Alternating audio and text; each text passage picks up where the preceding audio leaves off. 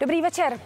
Konec týdne, před námi Showtime, tentokrát pro změnu s Lačkou a hned na začátek dobrá zpráva, aspoň co se světa módy u nás týká. Protože po půl roce se konečně mohlo začít opravdu fyzicky přehlídkovat. Ano? A oslavil se tak zároveň i začátek sezóny, dřív než nám to zase všechno zakážou. Tak pojďme do Teplic. Tohle je vlastně po dlouhé době první taková velká akce. Jak si to užíváte? Užívám si to určitě, je to tak, ako vravíte, rovnako jsme byli e, omedzení v té komunikaci s našimi fanúšikmi. Akcia Czech Fashion Weeku je fantasticky zorganizovaná, takže užíváme si to určitě. Po půl roce jsem dneska fitoval, což bylo takový zvláštní. Člověk si připadal trošku nejistě, ale e, za těch 25 let, co jsem v té branži, se do toho člověk rychle dostane.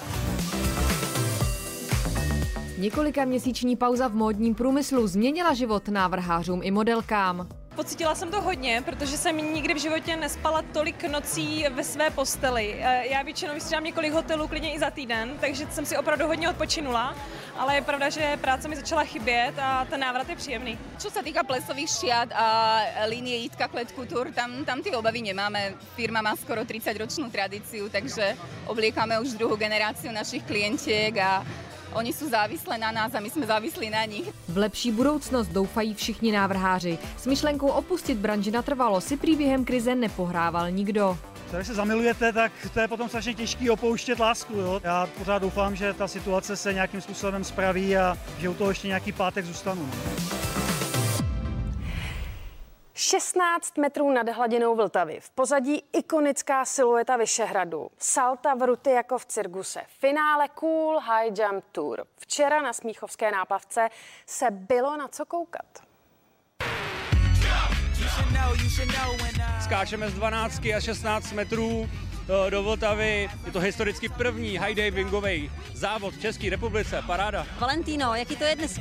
Je trošku zima, ale jinak je to paráda, je to super. Tvůj skok to byla pastva pro oči, ale ty nejsi úplně spokojená. No, já jsem to mírně připálila, dopadla jsem trošku jako na hrudník, takže malinko mě bolí krk, eh, což prostě ta vejška udělá, ale jako pro vás a pro diváky jsem to samozřejmě udělala ráda.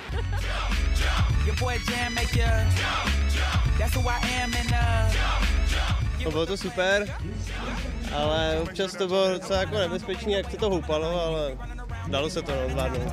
Za mě taky super. Jsem rád, že jsem nakonec zjistil to, co jsem chtěl a jak říkal Adam, trochu se to houpalo, ale jinak jako super, no. Tady na takovém místě pod Vyšehradem, vnímáte to okolo vůbec, jako že skáčete v centru Prahy vlastně? Tak určitě, je to sport ne?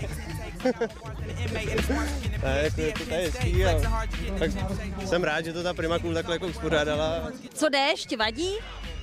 O, nevadí, naopak mě to třeba i pomáhá, protože vidíme tu hladinu vlastně, takže za mě jako dá se to přežít. I přes vydatný déšť to byla jízda. Na Vltavě se nejen profesionálně skákalo, nechyběla ani pořádná show pro diváky.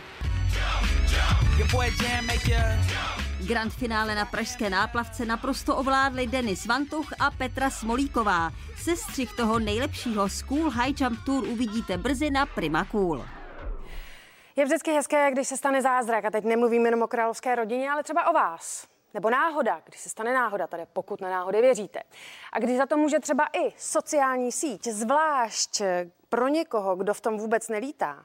Takhle, já chápu, že mi asi nerozumíte, ale vysvětlíme. Seznamte se s Terezou Stiborskou.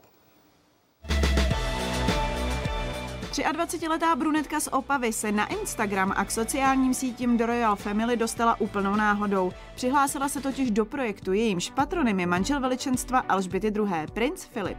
V rámci této výzvy jsem vlastně plnila jakoby čtyři části její.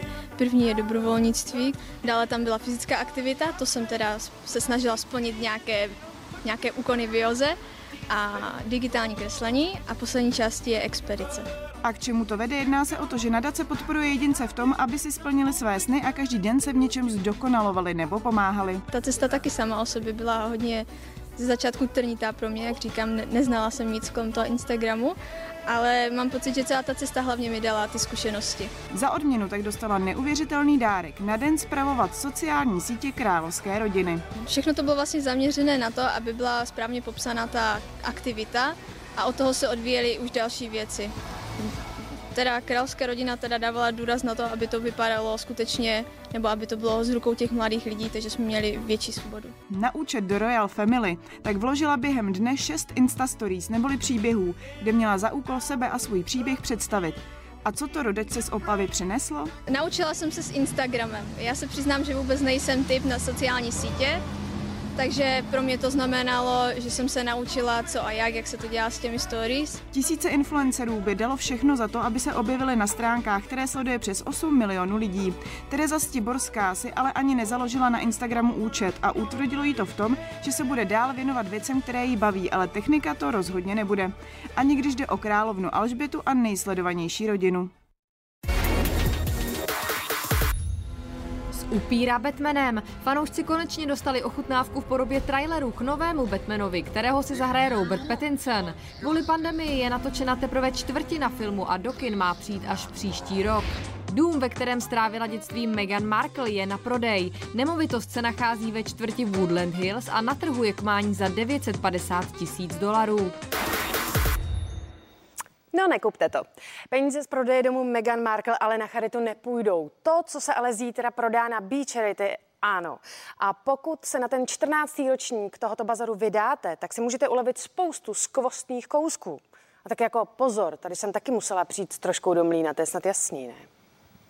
Po roce se na Žofín vrací charitativní bazar báry nesvatbové Beach Charity, na který krom jiných přispělo i mnoho známých osobností tenhle bazar má nějakou jako úroveň, takže dáme něco jako to. A hlavně já sama mám radši, když jsou ty věci jako méně nošený. Takže jsem vybrala, abych to zkrátila, úplně jako tři jednoduché, simple věci, které jsem měla na sobě opravdu jenom jednou. Mám tady tyhle ty uh, boty, uh, který jsem měla na sobě opravdu jenom jednou a to před 15 lety. A byla to tak důležitá událost, uh, kterou vám nemůžu říct. A k tomu bylo tenkrát uh, tohleto. Taky, taky jsem to od té doby nikdy neměla, tak to bylo takhle. A e, pak jsem e, vybrala šaty, který se mi strašně líbí a e, jsou krásný a děsně slušivý a, um, a já je teda věnuju. Máme spousta věcí v podstatě oblečení, nějaký doplňky, máme tam spousta hezkých a známých men, mých kamarádů a přátel, takže určitě tam jsou šaty, jsou tam boty, tam hodně bot.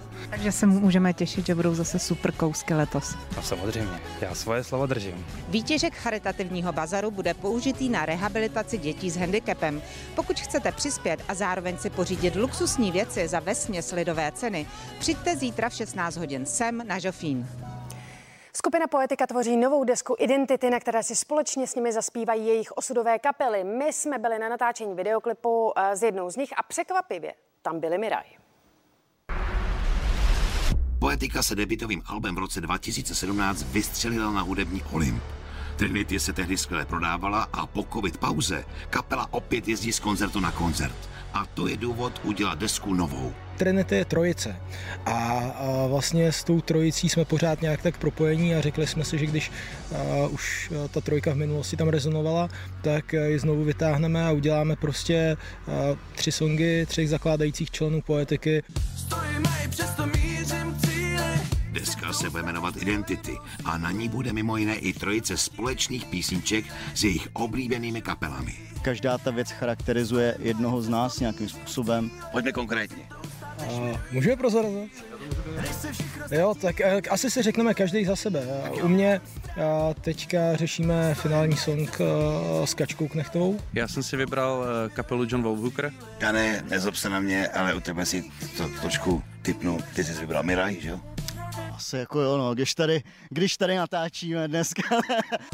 Jsem na ose nepodstatnou úsečkou. My jsme si zajeli podívat na natáčení videoklipu s kapelou Miraj.